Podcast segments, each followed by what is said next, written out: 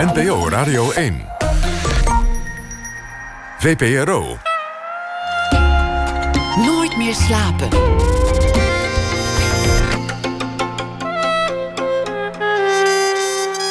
Met Elvie Tromp.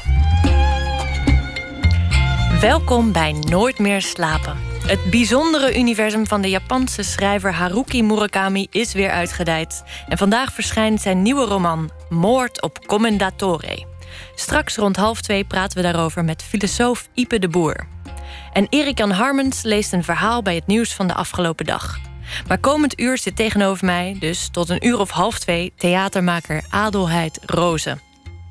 Haar theaterwerk is gelauwerd en bekroond met meest recentelijk de Gilder Kwon International Theatre Award en de Van Praagprijs van het Humanistisch Verbond.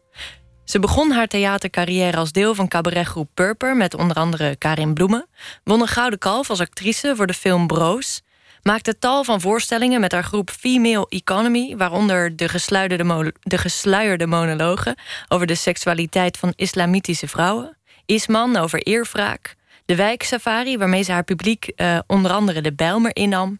En nu is daar Mam on Tour. Een voorstelling over haar moeder die aan Alzheimer leed en daar uiteindelijk aan overleed. Adelheid, welkom. Dank jou wel. Ik vind het heel fijn om jou hier in de studio te hebben. Want je hebt net mhm. gespeeld, klopt hè? Ja, in huis, in de boerderij. Oké, in de boerderij. En um, even, wij zijn er niet bij geweest. Wat maakt het publiek mee? Wat is er vanavond gebeurd bij jou in de voorstelling? Uh, ik heb op de poster als een soort simpel ABC laten zeggen. Je ziet mijn moeder daar op de poster liggen op een rood kleed. Uh, dat spreid ik altijd voor haar uit. Daar lag ze graag op. En daar staat dan bij mam. En dan staat er monoloog plus dialoog. Uh, oh, dan weet ik het zelf niet meer. En een film. En film, dankjewel, dat was het. en dat is eigenlijk de. Ik, ik dacht, ja, hoe moet je nou vertellen in. Kost het zoveel zinnen. Maar ik heb een documentaire film gemaakt uh, van 20 minuten. Uh, toen mijn moeder nog leefde en toen ze in het beginstadium uh, aan Alzheimer leed. En daarover vertel ik verhalen over hoe, je, hoe ik dat beleefd heb als mantelzorg, als dochter. En ook ga ik heel gretig uh, het gesprek met de zaal aan. Omdat ik dat zo noodzakelijk vind dat we het hier met elkaar over hebben. En dan open ik. Zal ik daar een stukje van voorlezen? Ik je hebt open... tekst meegenomen. Ja, dat lijkt me fantastisch. Beter kunnen we de... het leven is natuurlijk niet krijgen. de, ik, ik, ik, ik heb aan het begin een opening Waarin ik dan. Uh, ja, ik heb het natuurlijk geschreven, maar ik. Ik stotter dat eigenlijk als de laatste gedachte van mijn moeder, die ze nog kon ordenen en uitspreken. Toen ze nog net thuis woonde, vlak voordat ze in een zorghuis werd geplaatst. En mijn moeder heeft twee dochters. Ik ben de jongste. Mijn zus mhm. Marie Colette is de oudste. En mijn moeder, die is dan heel erg in een wantrouwende periode. Dat doet ze natuurlijk niet expres, maar dat is ingegeven natuurlijk doordat ze zelf ervaart wat ze heeft en daar moeilijk over kan spreken, zoals alle dementerende eigenlijk. Dat is ook een soort bescherming. En dan ziet ze ons bezig. Ineens zie ik mijn jongste. Ik hou haar altijd scherp in de gaten uit de huiskamer wegpiepen. Ik volg haar en zie door een kier van mijn slaapkamerdeur dat ze mijn bed openslaat, ernaast knielt en in mijn bed ruikt. Over de grens van de privacy, denk ik. Ze loopt naar mijn kledingkast, opent die, iets dat ik mijn kinderen hun leven lang heb verboden, en haalt er een steelpannetje en een vergiet uit uit mijn kledingkast. Wat een zot is dat kind, denk ik nog. Wat zijn dat voor streken? Ze loopt naar de aangrenzende badkamer en tast met vlakke hand de douchemuur en vloer af. Kijkt naar haar handpalm. Droog. Ja, Bij mij is alles opgeruimd. Wat had je dan gedacht? Ik loop gepikeerd terug naar de huiskamer. Zie ik mijn oudste daar ook geknield zitten. Al mijn gesorteerde papieren die ik keurig in stapels langs de plinten heb gelegd, is ze aan het hersorteren. De woede schiet uit mijn keel en ik werk ze allebei de deur uit.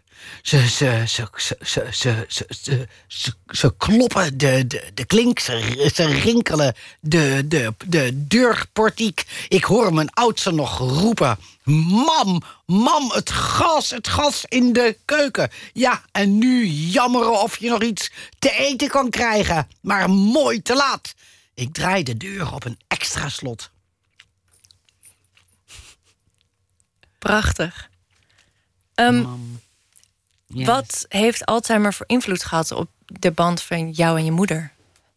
Nou, ik heb ehm, in een voorstelling die ik met George Groot heb gemaakt, mijn geliefde vriend en collega George Groot, eh, waar het voor een deel ook, waar, of wij maken. ehm George is een, is een eigenlijk een oud docent van de academie waar ik op zat toen ik super jong was. Eh, en George was taaldocent, dus die leerde mij eh, schrijven, teksten, wat je dan ook op de academie had. En George en ik hebben een soort eh, afspraak, een uitwisseling eigenlijk ge- gedaan ooit. Dat we dachten, oh, toen was ons leeftijdsverschil nog heel groot. Want George, ik ben 59, George is nu begin 70. Dus toen, hij nog, toen ik net van de academie kwam en hij docent was, weet je, was dat major. En met George maak ik één keer in de drie, vier jaar een voorstelling. En dat is dan altijd autobiografisch. Dus wij maken steeds een voorstelling over hoe is de stand van zaken in jouw leven. En daar ga ik jou nu over bevragen en ook pittig. ja, dus dat confronterend en liefdevol. En in de laatste die we maakten, Hetty en George, daarin bevroeg George mij eigenlijk over de relatie tot mijn moeder. En nou ben ik je vraag vergeten. Nou, hoe heeft die Alzheimer invloed gehad op je band tussen jou en je moeder? Dus wat kwam er uit die voorstelling van Hattie en George? Hoeveel jaar geleden heb je die voorstelling gemaakt? Oh, zie, zou ik nou ook al een beetje... zou mijn, zouden mijn hersens nu ook al gaan voor, voor pamperen, zal ik maar zeggen. Nou ja, het schijnt erfelijk te zijn.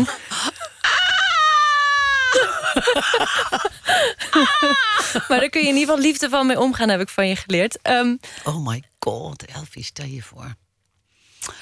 Eh, ja, en in die voorstelling...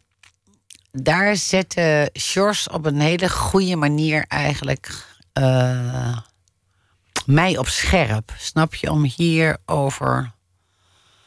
eh, om te formuleren, om vocabulaire te vinden. Om, bij George was het zo dat zijn vrouw Ank, dat was ook een vriendin van mij, was overleden. En George en Ank waren 45 jaar eh, getrouwd en bij elkaar. En na het overlijden, enige tijd na het overlijden van Ank, eh, iets wat George natuurlijk wel wist, maar je zou kunnen zeggen, ontdekte hij de biseksualiteit. En begon hij relaties met jongens. En dat vertelde hij in de voorstelling. Dus het ging over. Maar we zijn hier om het even over je moeder te hebben. Dat was de vraag. Oh. Dus je gaat er helemaal omheen. Is het omdat je hem niet wil beantwoorden? Nee, oh nee, totaal niet. Oh. Totaal niet. Want Nee. je zei, hij stelde mij een hele goede vraag over mijn moeder. Een kritische vraag. Ja, ja, en toen was ik ineens weer meegenomen in mijn eigen hart door. George. Was hij degene die jou liet inzien dat je er een voorstelling over moest maken? Nee, want toen had ik de film al gemaakt. En de, nou, het was niet één, één soort vraag. Het is eigenlijk het hele proces. En je bedoelt wat dat heeft betekend.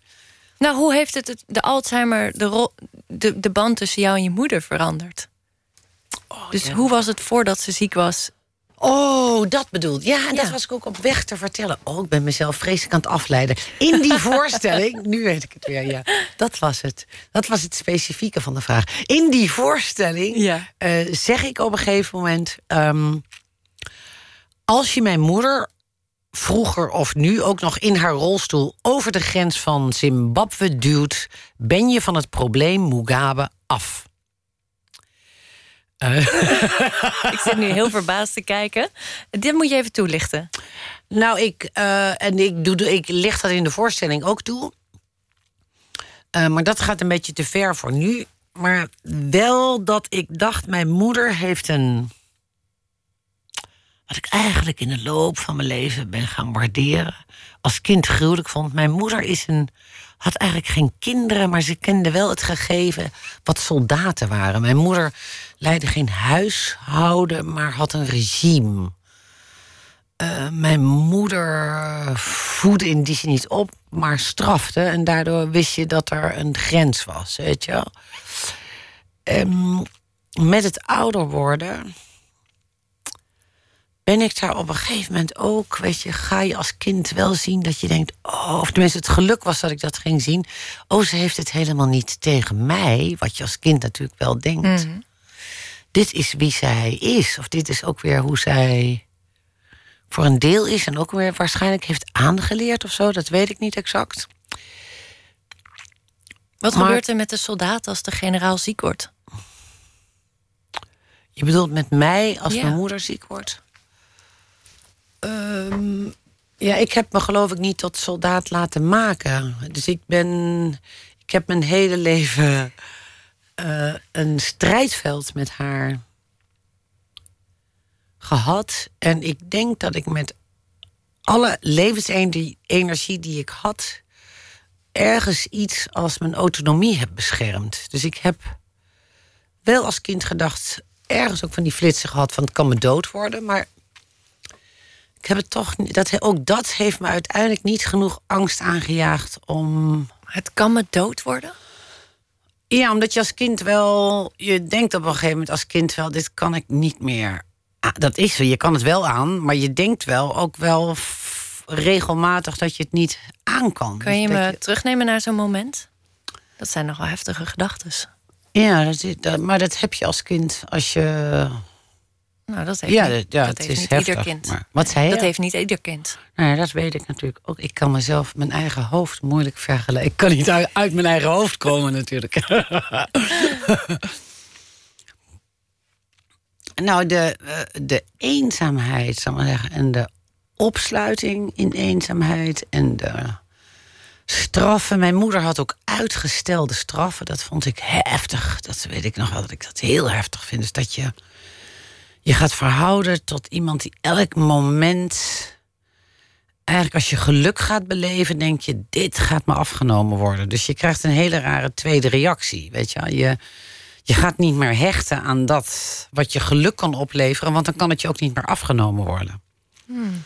Snap je? Dus je krijgt een heel indirect um, ja, een soort vangnet om op een goede manier te kunnen blijven ademhalen. Maar je, je gaat ook jezelf voor de gek houden, snap je? Je leert mechanismen aan om te kunnen overleven. Ja, en je hebt het over uitgestelde straffen. Kun je mij een voorbeeld geven? Wat was een uitgestelde straf die bij jou um, hard Nou, elke, elke vorm van, laat ik zeggen, waar je van genoot. Dat, uh, ik genoot bijvoorbeeld uh, uh, enorm van Sinterklaas. Ik genoot van uh, naar tante Els en oom Bam gaan. Uh, zij hadden geen kinderen. En dat was een soort paradijs. Uh, omdat zij geen kinderen hadden, denk ik dat ze heel verwelkomend waren en heel ontvangend. En dat alles mocht. En weet je wel zo. Dus dat was voor mij een soort paradijs. En die woonde heerlijk midden in het bos. En ik denk ook die vorm van aandacht die je dan. Mocht, mocht je daar ook de adelheid zijn die je was? Ja, dat. Hmm. Ja, dat is eigenlijk een goeie. Wild, omdat je daar veel. Nou, was ik sowieso heel veel buiten. Want dat was eigenlijk het veiligste gebied. Ik was ja. het lang, s'avonds buiten. En eigenlijk die dingen. Ja, god, ik kan het bijna niet uitleggen hoe dat is, de uitgestelde straf. Het is de ik weet niet, je, het voelt als een soort vernietiging van je geest of zo. Het voelt als een ingehouden adem levend of zo. Dan uh, vind ik het nogal heftig als je een leven lang een strijd met iemand hebt gevoerd, met je moeder. dat je dan besluit als ze ziek wordt haar mantelzorger te worden. Hoe lang heb je voor haar gezorgd? Tien jaar. Wauw. Ja, ze heeft tien jaar geleefd. Nou, ik denk niet dat iedereen je dat nadoet. Ehm, wat bracht dat jou? Ja, ik vond, ik vond iets terug. Weet je wel, ik vond iets. Ik vond echt iets terug. En dat. Dat vraagt George mij bijvoorbeeld in de voorstelling. Waar ik net iets te lang, geloof ik, hè, over, over uitweiden. Het was een lekkere Ja, maar je introductie. hield me daar goed bij de les, vind ik. Ja, heel goed. We zakken er lekker in. Nee, maar Sjors die zei, die, die vroeg ook dingen als, eh, eh, gewoon ook gechargeerd, maar als je een broodmes had, of als je, Roze, doe nou even niet, niet te edelmoedig, zei Sjors, maar je hebt er vast, eh, ze zit in een rolstoel, je staat boven een heuvel, kom, Roze, kom. Wat schiet er dan naar je hoofd? Je denkt toch ook een keer, dit monster dat me straft, ik laat het los. Of, eh, en dan gaat ze tegen die bakstenen gevel daar beneden. Nou, ik kan me dat goed voorstellen. Het is nu jouw beurt.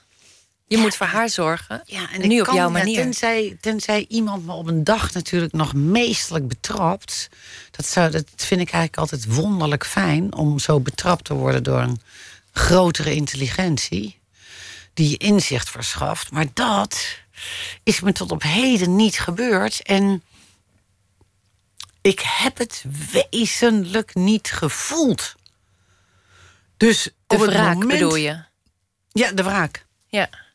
Dus op het moment dat mijn moeder eh, koffie bracht met een haar. Ook alles ging volgens de regels met dit soort servies en dat soort porselein en deze lepeltjes en dat gehaakte kleedje, geborduurde kleedje eronder.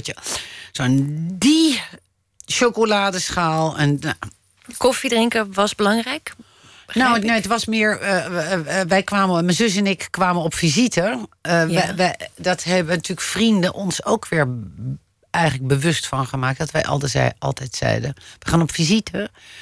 En dat vrienden dan zeiden: oh ja, nou ik ga gewoon naar huis. Zo heet dat. Of ik ga naar mijn ouders. Oh, wij gingen altijd op visite. Was ook. En dat vond mijn moeder prettig, dat we op visite kwamen. Dus wij noemden dat zo. En dan wilde mam ook heel graag dat wij gewoon op de bank... of in de, in de, in de zitkamer...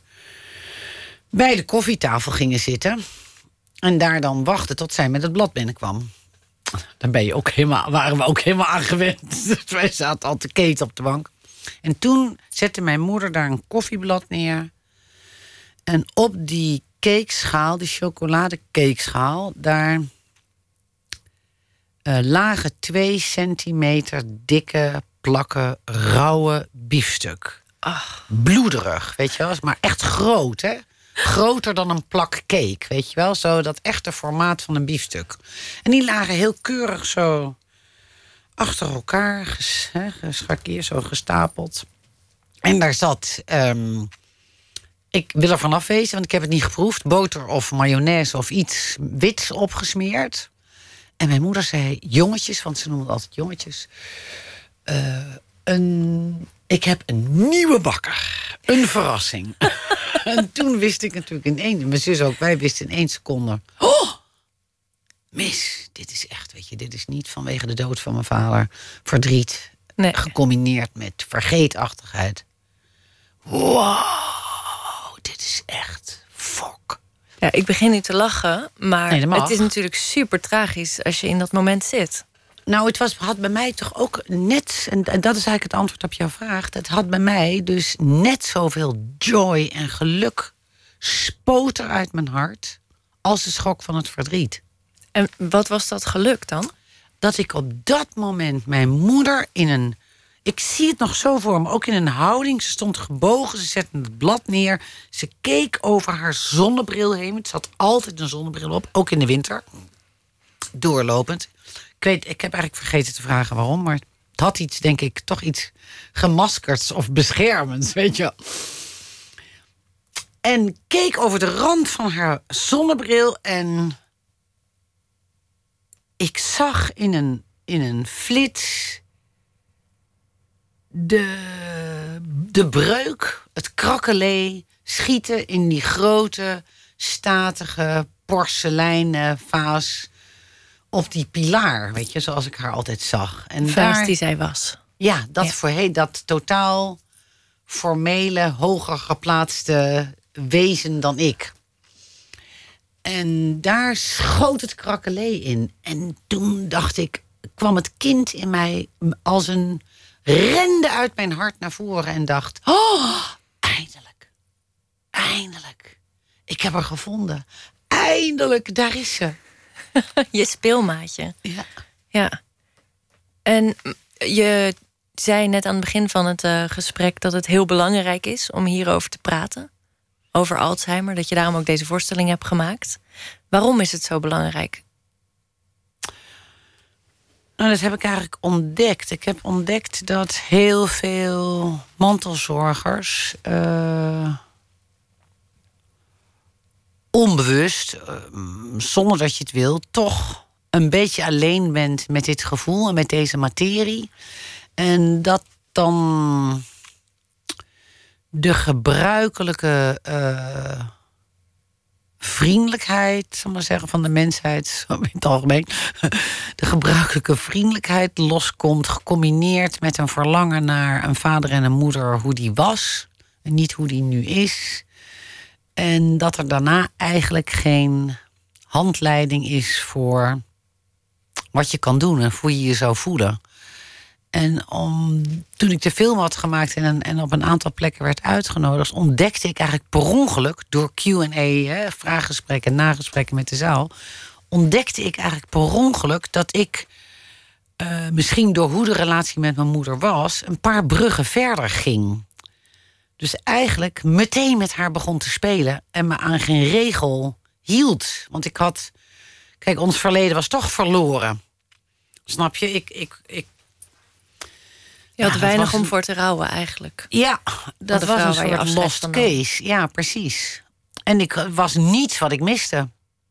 En wie werd je moeder? Ja, wat ik altijd in, in, in de QA's ook noem. Uh, wie zij aan het worden was. Ik vind dat dementerende het recht hebben, naast het feit dat ik bevestig dat het echt een gruwelijke ziekte is. Echt, echt, echt, echt waar dat ik het ook intens verdrietig, verdrietig vond om mijn moeder in die verwarring te zien. Echt heel verdrietig. Heel. Ja, het is echt chockerend als je, je, als je op weg naar de ijskast, weet je wel, je eigen route kwijtraakt. Ja. Die verwarring van je geest geen houvast daarmee in hebben, is echt, ja, dat gun ik echt niemand, ook mijn moeder niet. Dus dat gezegd hebben, dat dat gruwelijk is, is het daarnaast, vind ik, een mega grote spiegel voor de samenleving. Dus als ik dementerende voor me zie, zie ik eigenlijk een liefdesleger, om in de termen van mijn moeder te spreken qua leger. Ik vind eigenlijk dat, het, dat Nederland, met, dat we de Alzheimer-patiënt of de dementerende zouden moeten eren. Door als je je ogen dicht doet en je ziet een heel groot, hele grote groep van mensen die, die dementie hebben voor je. Dan zijn het eigenlijk prachtige volwassen. En dit bedoel ik met respect, anders krijgen we daar weer vragen over. Kleuters. Ah, ja. Dus het zijn, ik vind het, het zijn ongelooflijke, mooie, spontane, pure mensen die het intense en directe gedrag van een, van een kleuter hebben. Wat ik dus uh, een compliment vind en wat ik altijd in een ander mens zoek. Maar kleuters zijn natuurlijk niet alleen maar vrolijk en in plas aan het stampen. Je deed net een stukje monoloog waarin je moeder uh, erg paranoïde was, wantrouwend. Hoe ga je daar dan mee om? Ja, jij zegt, jij begint je zin met een maar. Ik heb daar geen maar. Dus ik vind niet het ene. Uh, ik vind het plassen, uh, het stampen in de plassen, weet je wel. En het intens lief zijn, het teer zijn, het razend zijn en het wantrouwig zijn.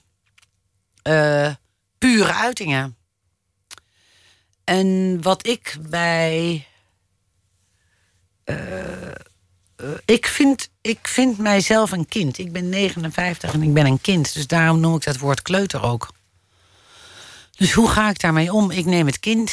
Ik ben blij dat ik een kind ben. Ik neem dat heel serieus. En ik banjer door een wereld waar heel veel regels zijn. Die ik bijvoorbeeld niet serieus neem. Of die voor mij geen waarde hebben. Maar die in mijn ogen zijn neergelegd om angst te geleiden. Om angst te geleiden? Te geleiden, ja. Van, voor, van een samenleving, van een heleboel mensen. En daar moet je ook dingen voor verzinnen. Maar daar komen natuurlijk wel steeds meer. Gaan we dat te veel uit de weg? De negatieve emoties, zoals je ze zou kunnen noemen? Nee, dat, dat, ik vind het ook geen negatieve emoties. Het zijn, weet je, dus dat zijn eigenlijk allemaal al duidingen... waardoor de dingen in, de, in, hè, in, in, in vierkante stoeptegels gevangen worden. Hm. En dan die worden allemaal naast elkaar gelegd... met, met aan alle vier de zijden een laagje cement. En dat ook, ook dat wordt hard. En dan wordt er een patroon uitgehard. En snap je? En dan is dat waar we ongeveer allemaal als individuen... leven we in zo'n stoeptegel en worden we zo'n stoeptegel. Ja. En elke uitzondering of kleur of... eh, ja, dat proberen we te tomen. En ik zeg ook wel in de Q&A... Een, on, een volwassen mens... dat is eigenlijk net zoiets als het compliment van de kleuter. Een volwassen mens ongetemd te zien... is een cadeau. Dit is een prachtige afsluiter voor dit eerste half uur met mijn gesprek met Adelheid Rozen. We zijn zo bij jullie terug. Straks na het nieuws praat ik verder met Adelheid eh, en berichten we over de nieuwe roman van Haruki Murakami. Ook zal Erik-Jan Harmens de nacht eh, begeleiden met een verhaal van het nieuws van de afgelopen dag. Dat en meer straks na het nieuws van 1 uur.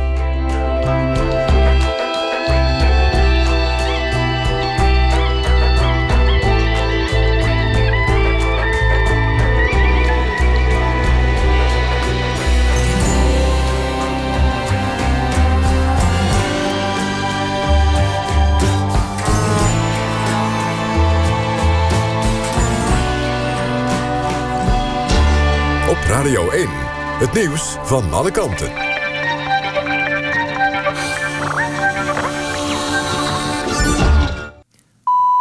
1 uur, Christian Bonenbakker met het NOS Journaal. Het ministerie van Financiën ontkent dat Nederland Eurogroepvoorzitter Dijsselbloem heeft laten vallen om een andere belangrijke functie in de wacht te slepen. NRC meldt dat andere landen Dijsselbloem na januari willen houden, maar dat Nederland liever het voorzitterschap wil van de club die de vergaderingen van de Eurogroep voorbereidt. Die functie zou premier Rutte hebben beloofd aan D66. Het ministerie ontkent dat er een verband is tussen het vertrek van oud-minister Dijsselbloem en die andere functie. Volgens een woordvoerder vindt Nederland dat de Eurogroep altijd moet worden geleid door een zittend minister. De Kroatische oorlogsmisdadiger Slobodan Praljak heeft woensdag zelfmoord gepleegd met kaliumcyanide, beter bekend als cyaankali. Dat blijkt uit onderzoek door de lijkschouwer. Praljak dronk het gifdrankje tijdens een zitting van het Joegoslavië-tribunaal... nadat hij in hoger beroep opnieuw tot 20 jaar cel was veroordeeld. Hoe het kon dat hij het gif bij zich had, wordt nog onderzocht. Minister Zijlstra van Buitenlandse Zaken zei de afgelopen dag... dat Nederland niet verantwoordelijk kan worden gehouden voor de zelfmoord... omdat het een VN-tribunaal is. President Trump ontkent op Twitter dat hij op het punt staat... zijn minister van Buitenlandse Zaken Tillerson te ontslaan. De New York Times had dat gemeld. Er gaan al langer verhalen over de verschillen in karakter... en de meningsverschillen tussen de twee. Volgens de New York Times wil Trump Tillerson vervangen... door CIA-directeur Mike Pompeo. Maar de president noemt dat in hoofdletters nepnieuws. Hoewel we het over sommige zaken niet eens zijn... werken we goed samen en wordt Amerika weer gerespecteerd, twittert Trump. Hij benadrukt dat hij bij meningsverschillen het laatste woord heeft. Het weer. Vannacht ligt de vorst en op veel plaatsen dichte mist. Lokaal kan het glad zijn. Overdag kan de mist in het midden en oosten hardnekkig zijn. Elders kan de zon even doorbreken. Het wordt dan 0 tot 5 graden. S'avonds gaat het in het noorden en westen af en toe regenen. In het oosten is er dan kans op ijzel. Dit was het NOS Journaal. NPO Radio 1. VPRO. Nooit meer slapen.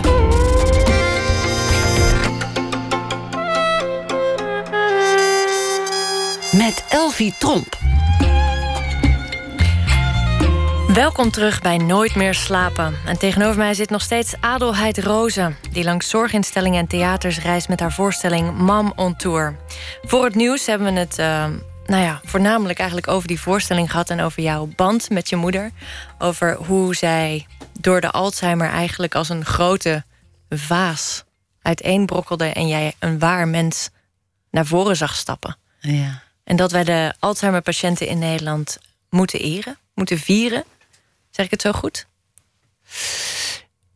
Ja, dat zeg je heel mooi. En ik, ik merk dat ik me er soms voor. Ik geneer me soms, of ik voel soms huivering of terughoudendheid over mijn, mijn enthousiasme erover. Ik ben altijd bang dat ik verkeerd begrepen word. Dat, uh, weet je, dat. Of tenminste, ik. Ja, ik ben bang dat ik verkeerd begrepen word. Uh, alsof ik dan de Alzheimer toejuich of zo. Want dat mensen hun geest halen dat zo vaak door. Uh, mensen halen dat zo vaak door elkaar. Dus als je enthousiast bent en er is iets gruwelijks gebeurd, dan denken mensen dat, oh, die vrouw beseft niet eens hoe erg. En alleen mijn hele attitude is. Uh, aandacht besteden aan hoe gruwelijk het is, dat helpt niemand een stap verder. En het maakt Alzheimer-patiënten en dementerenden enorm onrustig. En het wekt bij hun steeds de, de, de, dynamiek in een, in, in een huiskamer of de dynamiek in een zorghuis. Ja, het brengt eigenlijk die zenuwachtigheid aan, want ze kunnen dat niet volgen. En zij zijn extreem in het hier en nu. Dus alle dingen die ze vroeger als mens bijvoorbeeld niet wilden, zijn, die willen ze nu wel. Zoals mijn moeder, die was zo afgemeten met eten. En zo, zoveel messen uh, naast haar bord, zoveel vorken, zoveel. Met dit atje, met dat. En ik, ja, ik vond het ook weer beautiful over ja, de generaal en de soldaten. En, en het kerstdiner en hoeveel gangen we aten. Dus dat mijn moeder uh, op een gegeven moment in het derde jaar of zo van het zorghuis had ze zo'n donkerrode servet met het hele bestek zo gerold in die servet in de linkerhand. En die zette ze ook met haar elleboog zo, weet je, op tafel. En die andere hand uh, was vrij. En daar zat ze zo, nou, die, ook, ook helemaal zo opgevoed, weet je. Je mag niet met je elleboog op tafel en dit en... Uh, en, en zo zat ze en toen werden de borden neergezet. Wij gingen dat allemaal in dat zorghuis. Waren wij allemaal personeel, hè? Alle, alle mantelzorgers worden dan personeel. En ik zie toch mijn moeder voor de allereerste keer denkend naar haar bord kijken. Naar dat eten, een enorme lust in haar gezicht om dat op te eten. En niet meer weten, met haar ogen het, het bestek zoeken. En niet meer weten hoe het in elkaar zit. Terwijl ze hier als een soort gereedschap in haar linkerhand alles had verzameld met die servet eromheen, weet je. En toen ging haar rechterhand naar haar bord. En toen is zij nooit meer gestopt om met haar handen te eten.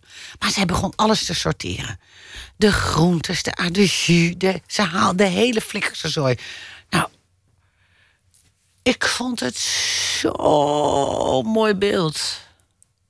Maar werkelijk zonder zonder een gevoel van waardeverlies, weet je. Ik zag gewoon mijn moeder wel de weg kwijt zijn. Maar leven, de volgende stap nemen. Zijn iemand aan het worden wie zij aan het worden is. Niet meer toebehorend aan gisteren, niet meer toebehorend aan mijn herinnering, niet meer toebehorend aan de herinnering van haar familie. Nee, worden wie zij aan het worden is.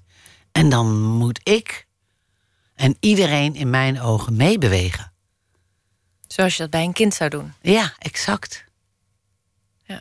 exact. Je noemt het ook wel een, eh, een val in eh, als Alice in Wonderland dat deed. Ja, dat las zij vroeger voor. Ja, de, het, een pratend theeservies eh, bestaat. Mijn moeder had ook, zei ook, mijn gekookte ei had vanochtend weer een opinie, zeg. Dat is wel een lekker breed vocabulaire ook. Ja, ja, dat had ze zeker. Fantastisch. Ja. Ja. Was het voor jou ehm, vooropgezet gepland? Ik ga hier een voorstelling over maken toen je mantelzorger werd. Totaal niet. Nee. Totaal niet. Ik heb zelfs de film. Dat had ik ook toen ik hem. eh, toen hij bij het ITVA. Zat hij eh, in zo'n. In zo'n eh, reeks van, weet je, die film werd genomineerd. En dan zit je in zo'n stadium, dan krijg je zo'n ge- gesprekken met de zaal of met eh, iemand die je interviewt over die nominaties en dat soort dingen. En die vroeg dat ook. En toen zei ik hoe goedkoop ik die film had gemaakt. Want iedereen begon ook technische vragen te stellen over de film, over de beeld, over geluid. Over een... Oh jongens, ja, maar ik ging het eerste. Laten we even de film ook eerst even beschrijven voor de mensen die luisteren. In eh, Mam, de film, eh, heb je een enkele paar scènes met mensen om haar heen uit haar nabije omgeving. Jij, je zus, ehm, haar schoonzoon. En eh, haar jongste zus. En haar jongste zus. En waar ze één op één mee is, vaak ook huid op huid contact. Ehm, dus met jouw zus zit ze in bad. Eh, met je vriend ligt ze bonbons te eten in bed. Eigenlijk hele intieme taferelen. Eh, Ja. hoe, hoe koos je die scènes? Ja, heel, heel, heel instinctief, Elfie. Heel. Ik had. Ik maakte het eerste beeld van mijn moeder en mij. En het is mijn moeder ligt in haar ondergoed. Met een, hè, dus een BH, een pamper en daar overheen een panty. En ik heb dat eigenlijk datzelfde aangetrokken en lig op een gegeven moment naast haar. En dat kwam omdat ik eh, eigenlijk heel naïef hoe je geest werkt. Dat vind ik zo mooi. Ik stond onder de douche een week daarvoor en ik dacht: hoe zal ik mam nou met mij? Wat zou lekker voor haar zijn om te filmen? Ik begon zo'n beetje gewoon te dromen. En, en terwijl ik weet niet hoe ik erop kwam, ik had gewoon een, een soort cyclus in mijn hoofd van dat hele strafkamp en het strijdveld. En ik dacht: oh, wat mooi dat ik nu bij haar in bed lig. En oh, het had ook iets, ook iets nuchters, weet je wel? Zo totaal niet sentimenteel. Maar zodat je hart zo rein is. Zo, het, het was, het was heel... Ik zat lekker zo onder die, onder die douche met shampoo door mijn haar te sausen. En, en ik dacht, oh, zo, ik zag zo dat ik geboren werd. En ik zag bloed, omdat ik me daar dan bloed bij voorstel. Een soort plas bloed tussen mijn moeder, zo'n rode plak. En dan weet je wel, zo'n sap, hoe moet je zeggen. En daar die baby, en dan eh, ik- als die baby, en dan op haar buik gelegd. En dat ik dacht, oh, heerlijk zou het zijn. Het was al een beetje vermagerd. Eh, nou, dan lig ik in haar, bij haar in bed en dan kan zij zo op een gegeven moment op mijn buik sterven. Dan is- dat hele oorlogsveld eigenlijk ook gewoon een mooi parcours. Ik weet het niet. Ik had, daar ja, ik had daar eigenlijk best vrij snel vrede. Ik weet ook niet hoe dat. Dat smolt of zo. Weet je wel? Ik dacht, ja, jij bent eigenlijk ook gewoon echt een ongelukkig kind. Of ja, ik kon dat eigenlijk vrij snel zo zien. En toen kwam ik bij mijn moeder met de camera. En toen dacht ik, oh, wat ben ik een sufferd. Want natuurlijk past zij niet op mijn buik. Ze is veel te groot om op mijn buik te passen, weet je wel? Dat is echt heel... Ik, is zo naïef, echt suf. Maar dat stel je dan toch onder de douche voor. En toen had ik een, een groot rood kleed meegenomen. Toen dacht ik, ook, ik ga, zij kan niet op mijn buik liggen... maar ik kan wel me gewoon helemaal naast haar nestelen. Heb je ooit afgevraagd of de moeder van voor de ziekte hiermee akkoord was gegaan? Nee. Misschien is dat dan wel. Je zou wel. Dat, hebben, dat is wel eens door mij heen geschoten. Ik heb wel eens gedacht van. Ik had nooit zo bewust. Maar het is wel eens door mij heen geschoten van. Oh, ik geloof dat jij voor mij een landschap hebt gemaakt waar ik in leefde. En ik geloof dat ik nu een landschap maak waar jij in leeft, weet je wel? Hmm. Alleen heb ik dat geprobeerd te doorhuiveren met mijn hart. En jouw landschap is publiek. Oh ja, maar ik bedoel eerst eigenlijk de, de, de film. Ah, ja. En, en eh, als je het hebt over het werk. Maar buiten de film heb ik natuurlijk wekelijks bij haar geweest. Waarin ik, dat, waarin ik ook echt ervoer dat het kon. Wat bedoel je met doorhuiveren? Maar dat het blijkbaar. Ja, je zou, kunnen, je zou op een andere manier kunnen zeggen. Het, het, eh, wat ik net zei van die, van die plakken biefstuk op, de, op die, op, op die uh. Daar, die was. Die schok en die sprong van vreugde tegelijkertijd. Dat was een soort kier in mijn hart en die dat klapte open. En ik had werkelijk elke keer vreugde als ik naar toe ging. En dat ik heb, ben misschien een van de weinige mantelzorgers die dat. Terwijl ik een loei drukke agenda heb van zeven dagen per week gevuld. Ik ging heel vaak s'avonds om tien uur, elf uur na de repetitie nog. En dan had ik echt vreugde als ik erheen fiets. En dacht ik, wow. Ik had echt het gevoel alsof ik, een, ja, alsof ik de spontaniteit van een mens mocht zien. En ik was ook heel vaak stil. Of meer tastend in gesprek met haar. Ik vond, haar, ik vond het een wonder, werkelijk, om een menselijk wezen. Zo, in, voor naar mijn idee, echt in een soort pure vorm te zien. Dat ik dacht: wow, dit is toch wel wat wij echt zijn verloren met z'n allen. Wat zijn we verloren? Die spontaniteit. Dat wij, wij zijn wel. Wij hebben denk ik, veel gêne, veel verlegenheid. Wat ik straks tegen je zei, veel nervositeit en veel regels ontstaan eigenlijk om die nervositeit of die angst te kanaliseren.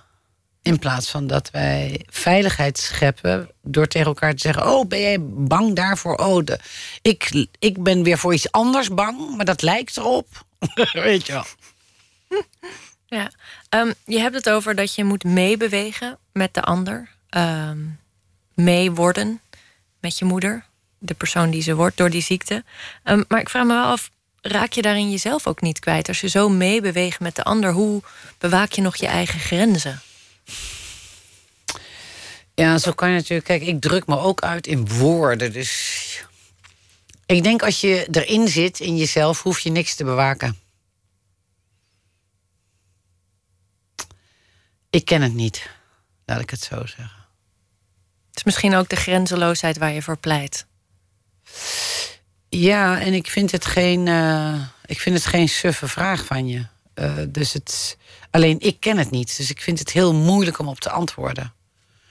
Ik raak veel meer van de wijs in het leven van niet dat mijn hersens of mijn intelligentie codes van het leven niet snappen, maar mijn innerlijke dynamiek, om het maar zo uit te drukken, die raakt in de war of vraagt zich elke dag, vraag ik me met een volwassen hoofd af, waarom bestaat dit protocol? Wat is dit voor indirecte meeting? Waarom voel ik onder de tafel dit gebruik van macht ten opzichte van die? Waarom zit daar net een vernedering in die tekst? Wat is het? Dat, en dat vind ik iets anders dan een oprechte confrontatie. Snap je? Jij en ik kunnen elkaar nu aankijken. En dan kunnen we, laat ik maar zeggen, strijden om iets of zo. Of het oneens zijn. Maar dat je dat vanuit je hart doet. Weet je wel? Dus dat, dat, je, dat je oprecht blijft. Dat ik wel wezenlijk naar je luister als je het tegenovergestelde van mij zegt. Dat ik niet dram of je probeert te manipuleren of je je rot laat voelen door je te isoleren. Of, weet je, dus al dat gemuts. het gemuts van de menselijke emoties. Ja, ja, ja dit, dat vind ik gemuts van het leven. En daar ben ik elke dag opnieuw verbaasd over. Ja.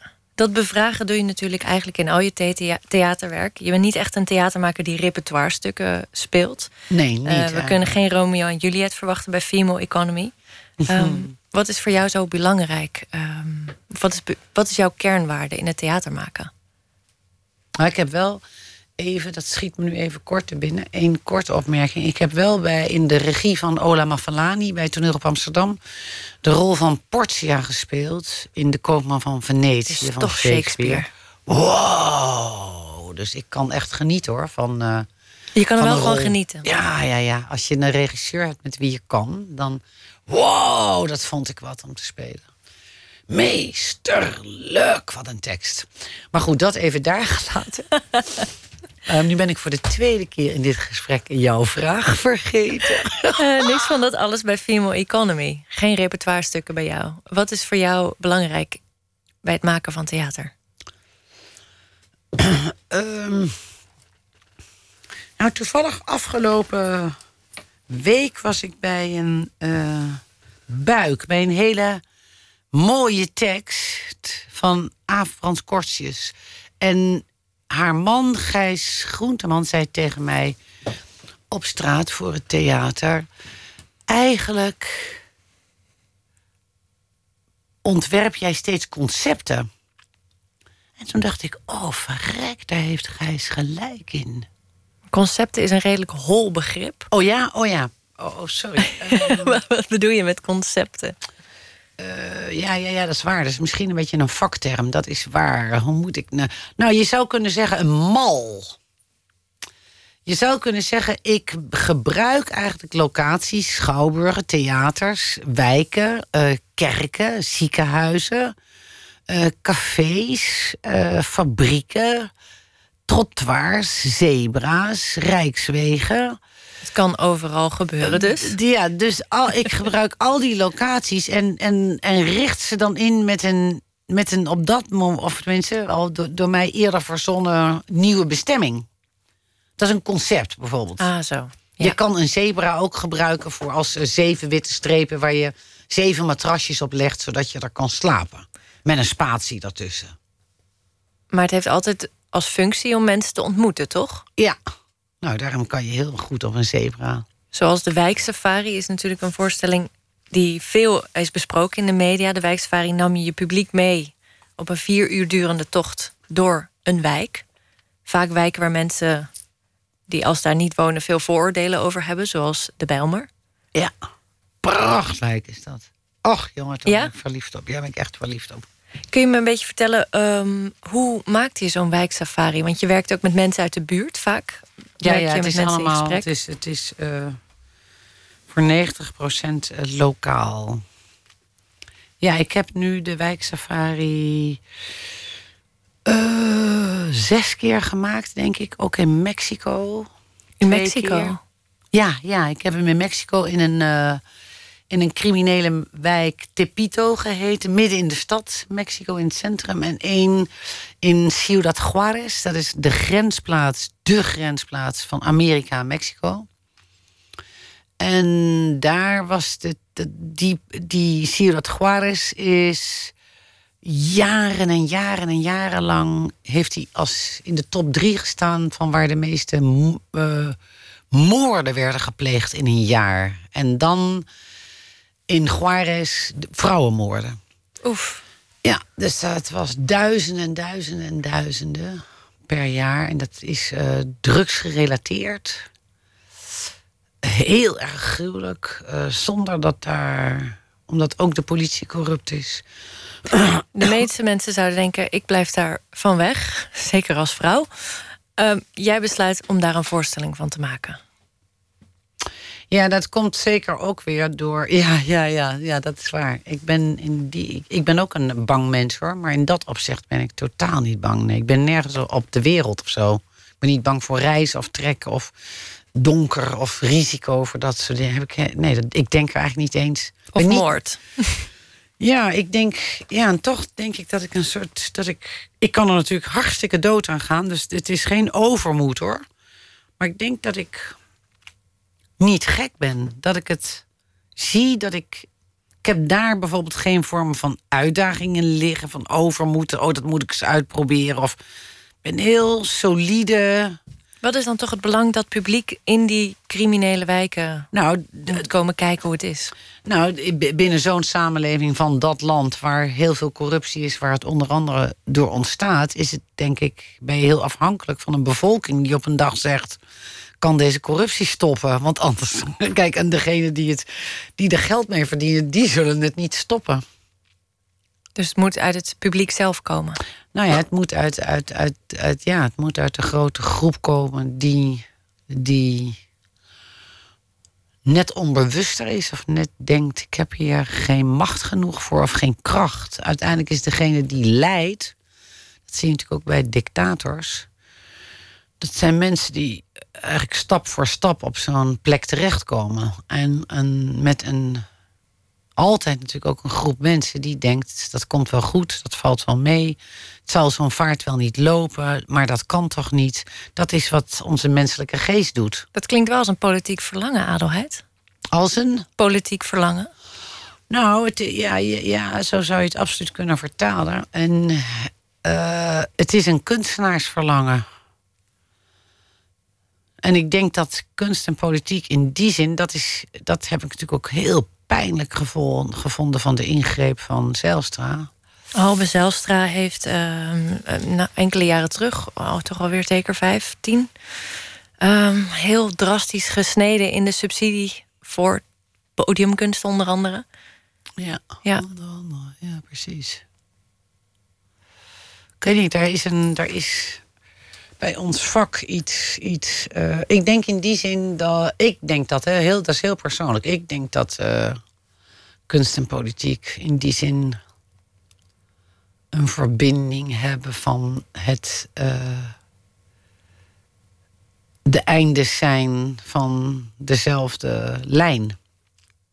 De eindes zijn van dezelfde lijn. Ja, dus één lijn. Ze heeft altijd, laat maar zeggen, links en rechts een einde. Twee puntjes, ja. ja. de twee uiteinden. Ja. En ik denk dat de politiek, een politicus en een kunstenaar uh, het tegenovergestelde zijn. Dus ik, uh, laat ik zeggen, ik vind het creëren van een wereld of het creëren van een samenleving als een schepping, vind ik een, uh, een niet gecompliceerd iets in mijn hoofd.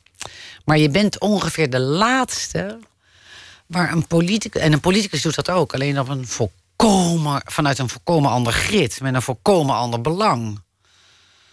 En ik denk altijd, oh, ik wou, nou, de, wijksafari is eigenlijk ook zoiets. De wijksafari is een gebied waar ik, wat ik voor een aantal maanden naar mijn eigen maatstaven met iedereen die zich daar lokaal beweegt, ontwerp. En een soort samenleving in aanbreng waarvan ik denk, zo zou die moeten zijn. Dat doet een politicus ook. Maar ik heb, weet je wat, wij hebben niet meer. Ik kan, ik kan niet. Ja, het is de verbeelding die je elke avond uh, speelt, uit, uh, verzint, creëert, schept. En een politicus die verbindt er wetten aan, waardoor het langer dan een dag leeft. Of langer dan een voorstelling. Langer dan een voorstelling, ja. Wij zijn een zandtekening natuurlijk, een strandtekening op het zand. Die als de app komt. Uh, of als de, als de app komt, dan, dan creëren we. Bij de vloed is die weg. Ja. En een politicus die uh, heeft geen vloed.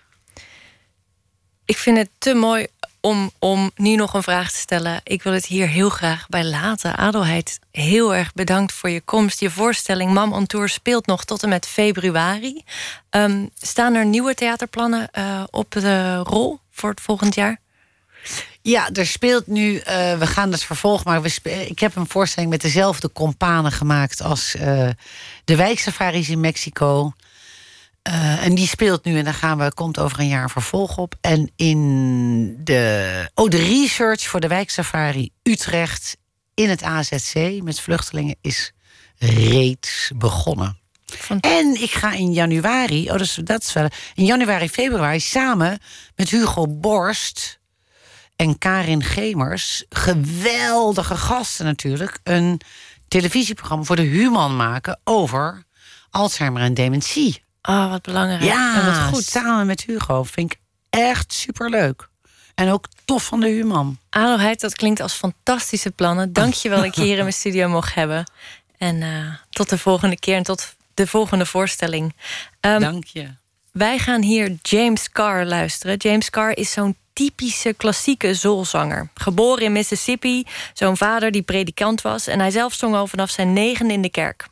Toen hij in de vroege jaren 60 overstapte naar de seculiere populaire muziek en soulplaten uit ging brengen, kreeg hij meteen zoveel succes dat hij de druk niet aankon en ernstig depressief raakte. Maar eerst nam hij dit prachtige nummer nog op in 1968. That's the way love turned out for me. James Carr.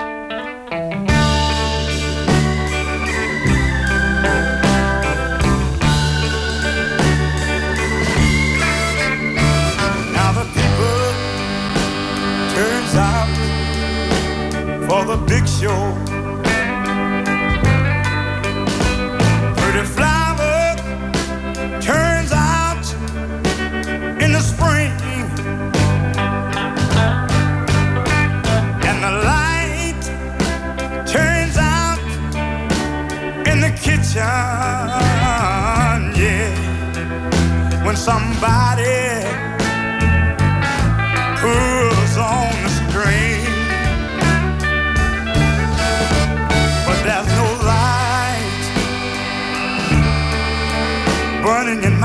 my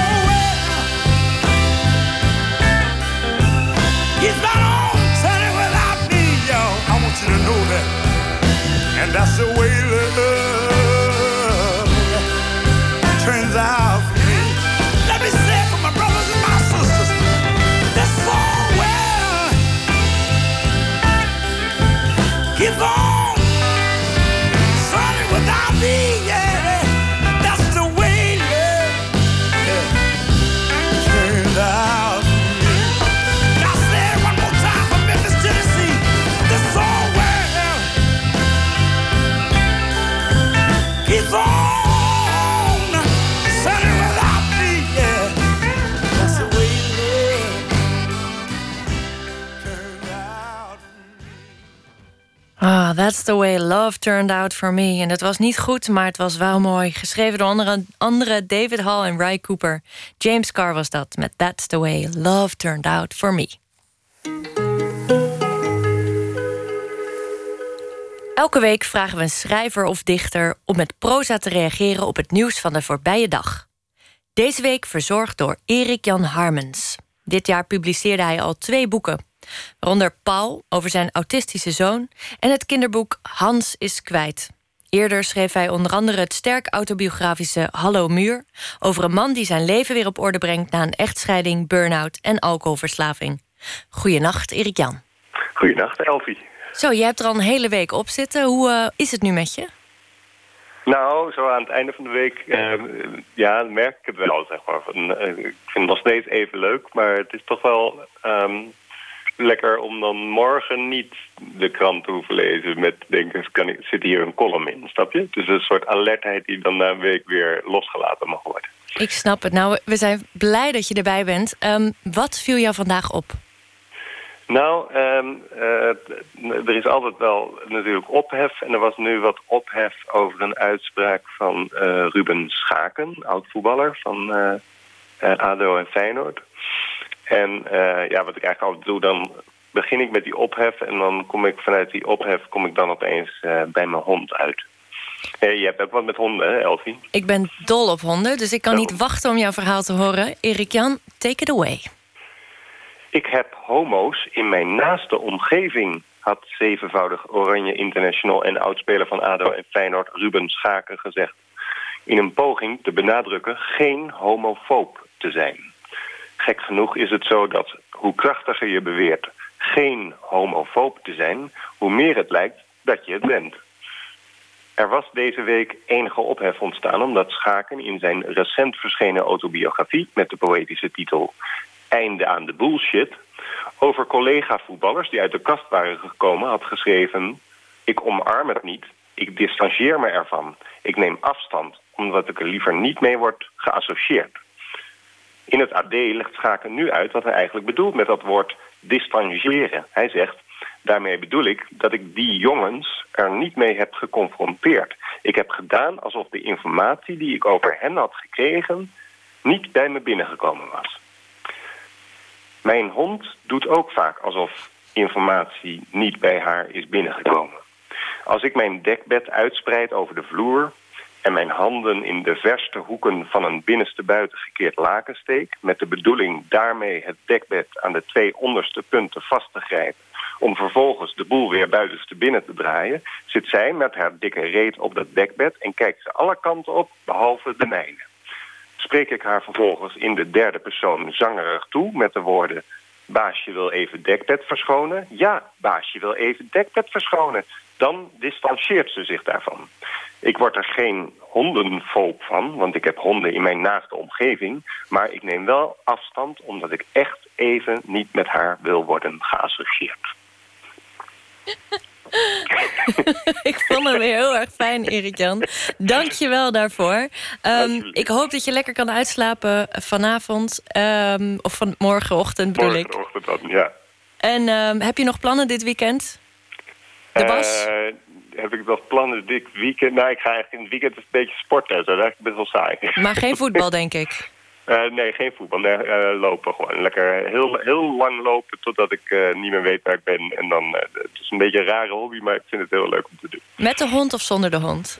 zonder de hond, want mijn hond die gaat altijd overal snuffelen en zo. En dan moet ik wachten tot ze uitgesnuffeld is. Daar heb ik geen geduld voor. Dus ik ga altijd eerst zelf rennen en dan nog een lange ronde met de hond. Dus ik ben eigenlijk meer buiten dan binnen. Oké, okay, nou geniet ervan. En ik hoop je snel weer hier in Nooit meer slapen te treffen. Dankjewel. Dankjewel, Elfie. En wij gaan hier door met een nummer van S. Carey. S. Carey is de voormalig drummer van de band Bon Iver. Begin volgend jaar komt alweer het derde album van deze singer-songwriter uit... en het heet 100 Acres. Wij draaien het nummer Fool's Gold.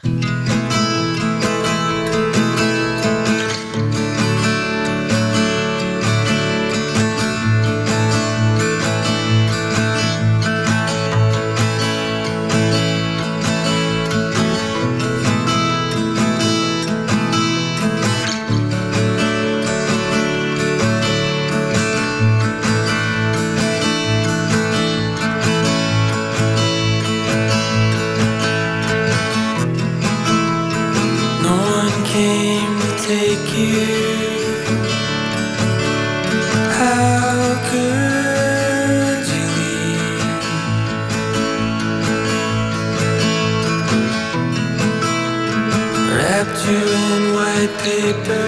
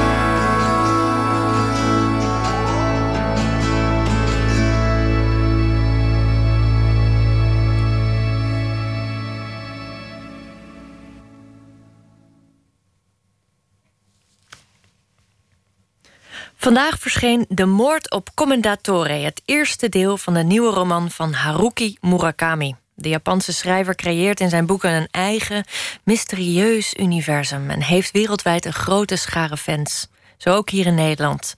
Verslaggever Jan-Paul de Bond sprak met een van die fans, filosoof Ipe de Boer. Die keerde in zijn eigen boek het complete oeuvre van Murakami binnenste buiten.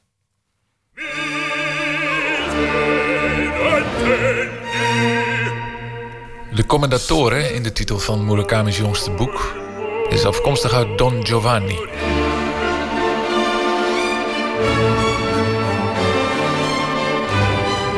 Die opera wordt ook meerdere keren genoemd in het boek. En de echte Murakami-fan die zal om de leeservaring compleet te maken Mozart erbij opzetten. Ik was ook heel blij dat het niet zomaar een, een, een soort interview zou zijn. Maar dat we echt beetje die sfeer proberen op te zoeken, ja. En die bestaat dus ook hier gewoon. Ipe de Boer gaat nog een stap verder. We spreken met elkaar af in een hotel. Om op zoek te gaan naar die vervreemdende wereld... waarin Murakami's personages vroeg of laat terechtkomen. Die hotels, eh, die liften die ze dan naar vreemde verdiepingen leiden... die zou je dus kunnen zien als het leven wat zich buiten... eh, het, het voor hen al bekende leven afspeelt. Dus ze hebben een heel overzichtelijk leven... waarin ze de spelregels zelf opgesteld hebben en ze kennen die... En ze geraken in die boeken altijd eh, eh, buiten precies dat domein. Daar gelden echt totaal andere wetten. Dus dan gaan ze dolen door die gangen van het hotel. En, dat gaan we ook doen. Ja, dat gaan we doen, ja. in de opwindvogelklinieken komen ze ook bijvoorbeeld een man zonder gezicht tegen. Die ontmoet je ook op de eerste pagina's eh, van het nieuwe boek. De man zonder gezicht. Dus in de opwindvogelkronieken leidt die man zonder gezicht... die, die brengt dat personage eh, naar de hotelkamer, hotelkamer 208... waar eh, de verdwenen vrouw van de hoofdpersoon zich bevindt. Maar in die kamer bevindt zich ook een enorm gevaar. De dood heerst daar ook. Maar als we hier zo rondlopen, Ja, eh, ja. over eh, betrekkelijk lege gangen... kan je je voorstellen dat het ergens naar refereert? Ja, het heeft een labyrinthische sfeer. Als je de gangen loopt, weet je niet precies waar het stopt en waar je uitkomt. Maar nog spannender is dat er talloze deuren zijn... waarachter wel of niet mensen zitten. En in Murakami's verhalen misschien wel delen of beelden, personages die iets vertellen over, over de hoofdpersoon zelf. Waarvan je dus, je weet nooit wie of wat je tegenkomt. En ehm, het heeft ook iets. Hallo. Dus misschien ken je het gevoel op vakantie alsof de tijd even stilstaat. Het buiten de tijd staan, het, het, het in een andere tijdsorde fungeren, waarin eigenlijk je alles even buitenspel zet wat, wat, wat normaal van je gevraagd wordt. Dat is een heel, ook een groot thema in Murakami, ja. ja. Murakami-personages, zegt Ipe, leiden een heel overzichtelijk, maar tegelijkertijd middelmatig leven. En eigenlijk hebben ze wel vrede met die comfortabele middelmatigheid. Totdat het noodlot hun dwingt om zeg maar de ramen open te zetten. Je kan je afvragen hoe Japans die karakters zijn. Typisch voor de behoudende Japanse cultuur. Maar Ipe de Boer gelooft daar niet in. In mijn boek eh, wilde ik juist laten zien dat, ondanks de Japanse context, eh, precies dit punt, dit existentiële punt, ook bij ons Westerlingen eigenlijk heel dichtbij komt. En, en ook ons iets kan, eh, kan vertellen. Eh, Anders was het werk van hem ook niet zo aangeslagen hier natuurlijk. nou, dus dat zou een antwoord kunnen zijn. Je zou zelfs kunnen proberen te onderzoeken of het ook iets met deze tijd, namelijk de moderne tijd, te maken heeft. Dat, dat, dat is ook denk ik een heel vruchtbaar perspectief. Maar dan ga je wel dan ga je echt een speculatieve stap zetten. En eh, ook zonder die stap eh, is het, eh, komen die verhalen denk ik al heel dichtbij... als je het gewoon alleen maar bij, bij een lezing van die, van die verhalen houdt. Ja. We lopen even verder. Op zoek naar kamer 208. We zijn er nu natuurlijk naar op zoek. En wat die hoofdpersonages nou juist moeten leren, volgens mij, als je die verhalen leest, is dat ze dus de controle een beetje los moeten laten. En ehm, als je dus open wil staan voor nieuwe zaken. En nou, dit, eh, we weten niet wat ons te wachten staat in 208, maar dat is precies het hele punt. Dan kan je ook meer zien eigenlijk. Dus dan, dan kan je ook meer toekomen. Je zou dus kunnen denken dat Murakami de moderne mens dwingt om zichzelf eens goed onder de loep te nemen. Om dan vanuit een soort catharsis met een nieuwe, ware identiteit weer verder te kunnen. Maar het boek dat Ipe de Boer schreef heet niet voor niets Murakami en de gespleten mens. Stel je voor dat je alleen maar bezig bent met het bouwen aan de persoon die je denkt dat je moet zijn. Of die je denkt dat je al bent. Eh, dan kan je in geen enkel contact met wie dan ook eh, eigenlijk ooit nog iets nieuws leren. Want je bent op of al af, of je weet al waar je naartoe gaat. En je laat alleen toe waarvan je eigenlijk al wist dat het je zou helpen. En hoe, hoe, hoe vanzelfsprekend dit misschien klinkt, denk ik dat het een heel hardnekkig eh, eh, ideaal is voor ons. En in ieder geval voor die hoofdpersonen. Op het moment dat je niet die, die veelheid van zelfbeelden respecteert eh, en één ervan als hoogste ziet, dan wacht je precies die verstarring. Wat Murakami probeert te laten zien door die gespleetheid op deze manier uit te werken, is dat hij zonder terug te gaan naar het metafysische, het, het religieuze taalgebruik van, van eertijds, ehm, eh, toch recht probeert te doen aan, aan die onverklaarbare en die, die dynamische kant van het leven, die het vroeger gezegd het aardse zou overstijgen. We zijn bij eh, kamer 209. Wat, wat zouden we kunnen verwachten? Dit is heel mooi, hè? Dus we waren bij 209 en daar is 207 en hier is 206, maar 208 Bestaat niet. lijkt niet te bestaan. Dit is 206. 207. 207. 205. Excuse me. Mag we even wat vragen? Uh, English, please. Uh, we're looking for room 208. Uh, there's no 208 in the hotel. it goes from there until almost 206. Het is wel grappig. Dit... Nee, hij is gewoon echt hier. Dit is gewoon dit is, dit is echt, echt heel bizar. Ja, dit kunnen we waarschijnlijk niet communiceren, maar het is er dus echt niet inderdaad. Iedereen, waar zitten we? NH Hotel op de Stadhouderskade, Amsterdam, NH Hotel City. Eh, ga maar zoeken naar kamer 208, non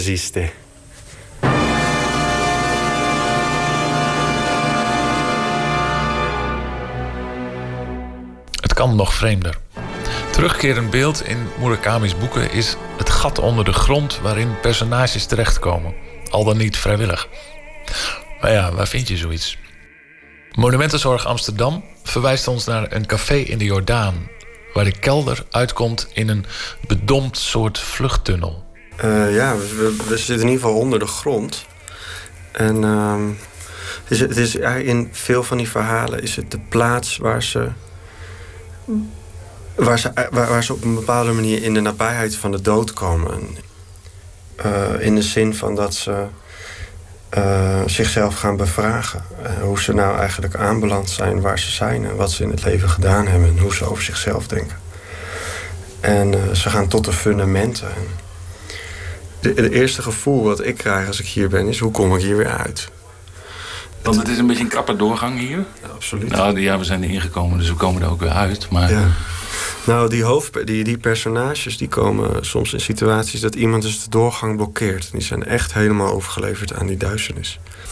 En je hebt in het nieuwe boek eh, ook weer een, een soort put of een soort, soort gat onder de grond. Waar stenen over zijn. En dat is eh, in de buurt van het berg, eh, berghuisje waar eh, de hoofdpersoon zich in heeft teruggetrokken. En s'nachts dan komen er geluiden eh, van onder de grond, vanuit die put vandaan. En op de een of andere manier voelt die hoofdpersoon zich aangesproken door die geluiden. En eh, ja, wat ik zelf eigenlijk ervaar en wat ook gebeurt met die hoofdpersonen, dat gevoel van dat er geen uitweg is, dat, dat, dat weerspiegelt zich ook in, eh, in, in, in hoe je over jezelf denkt en hoe je ook praat. Dus je, je gedachten komen langzamer. Eh, ze lijken meer gewicht te hebben. Je wordt je ook bijvoorbeeld bewust van je ademhaling. Van je lichaam op een hele andere manier. In zo'n situatie als deze. En ehm, eh, ja, een onderdeel van het proces wat zij doen... is dat er echt de tijd verloren raakte. Dus wij, wij weten gewoon, ja, is zo meteen voorbij... en we gaan straks naar boven. Ehm, maar hier zitten, zonder afleiding... Eh, alleen, nee, ik hoor je buik al. Je, je, je, je, je wordt, je, je krijgt honger. Eh, maar je blijft hier. Eh, je weet niet wanneer of hoe je eruit komt. Dan denk ik dat er op een gegeven moment wel echt een punt komt waar je, waar je het niet meer herkent. Waar, waar iets anders ruimte krijgt. Zou hij het zelf geprobeerd hebben, denk je? Voordat hij het ging beschrijven? Eh, het zou kunnen. Dus de manier waarop hij het beschrijft is zo, zo beeldend dat hij het misschien gedaan heeft. Maar hoe hij zelf over zijn leven praat en schrijft, is eerder in termen van eh, het zelfbehoud van die hoofdpersonage. Hij heeft een extreem geroutineerd leven. Hij staat iedere ochtend om vier uur op, schrijft vier uur, gaat een uur hardlopen, gaat dan een paar uur lezen, gaat dan een uur zwemmen, eh, eh, eet met zijn vrouw, eh, vertaalt soms nog wat en gaat dan om negen uur naar bed. Zo, zo, zo, zegt hij, dat doet hij ongeveer elke dag. Dus, eh, ja, hij heeft zelf echt een vorm gevonden die voor hem creatief het meest oplevert. En eh, tegelijkertijd worstelt hij zelf precies met dat ideaal. Dat was filosoof Ipe de Boer. Hij schreef het boek Murakami en het gespleten leven over zijn favoriete auteur. Jan-Paul de Bond sprak met hem. Deel 2 van Murakami's nieuwe roman verschijnt trouwens in januari. En dan wordt er ook meteen een heel Murakami Festival georganiseerd. Maar voordat het zover is, gaan wij hierdoor met muziek. En niet van de minste, maar van Jim James. Hij is de zanger van de populaire Amerikaanse band My Morning Jacket. Uh, maar Jim neemt ook covers op van onder andere George Harrison, The Beach Boys en dit keer van Abby Lincoln, een jazzzangeres. Het komt op Jim James' nieuwe EP Tribute to Two. Luistert u naar The World is Fallen Down.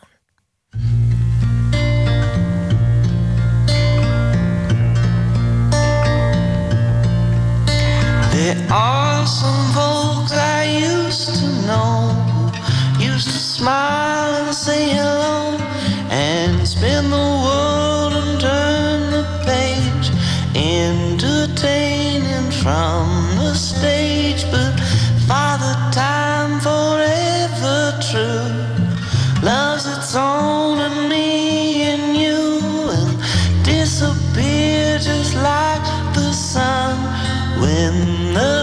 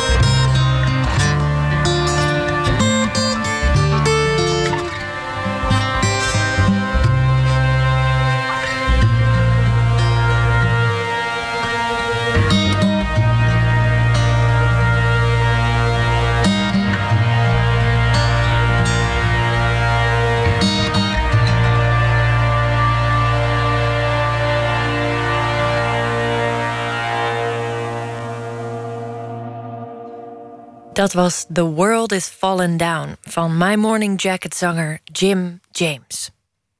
Poëzie nu van Astrid Lampe. Ze publiceerde al acht dichtbundels. Eigenlijk vindt Lampe het onzin om haar gedichten van commentaar te voorzien, maar voor ons maakt ze nu een kleine uitzondering.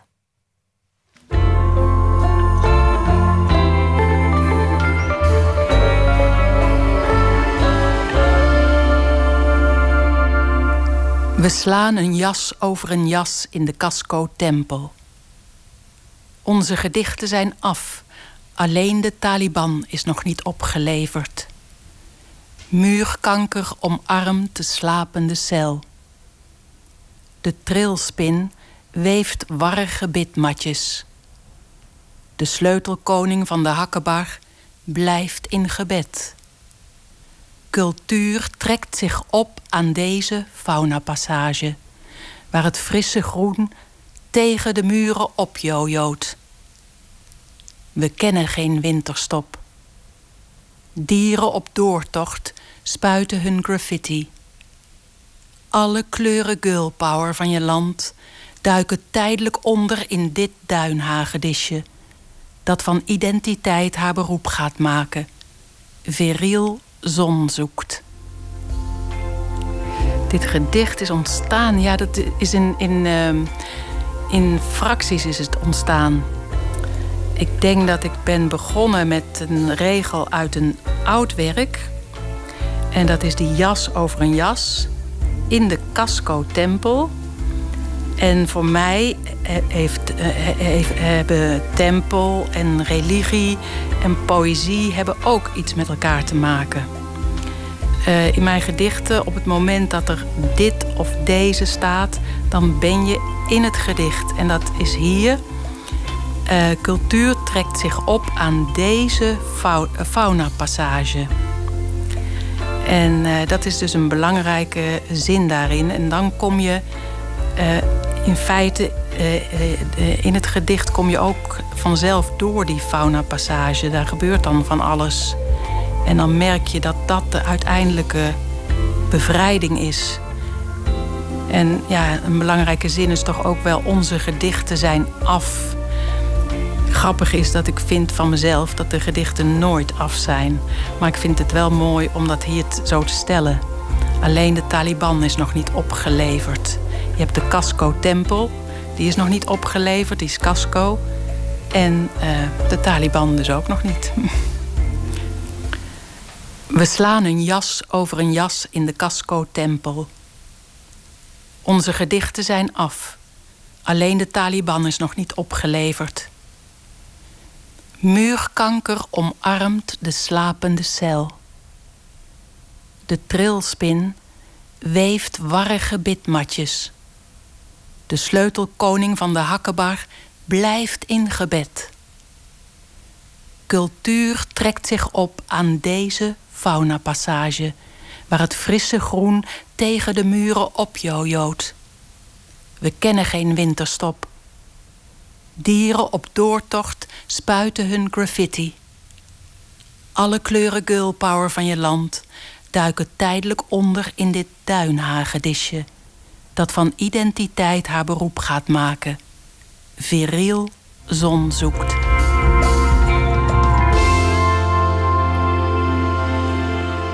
U hoorde Astrid Lampen met een nog titelloos gedicht uit haar bundel die volgend jaar zal verschijnen. Voordat ik afscheid van u neem, ga ik nog even iets vertellen over maandag. Want dan komt jazzmuzikus Martin Fonse hier bij Nooit meer slapen. Hij ontvangt volgende week woensdag de Buma Boy Edgar Prijs, de belangrijkste prijs in Nederland op het gebied van jazz en geïmproviseerde muziek. De jury roemde Fonse om zijn artistieke footprint. Pieter van der Wielen ontvangt hem als gast. Dat onder meer maandag. Straks kunt u luisteren naar de Nacht van de Radio. Ik wens u een goede nacht toe en tot volgende week.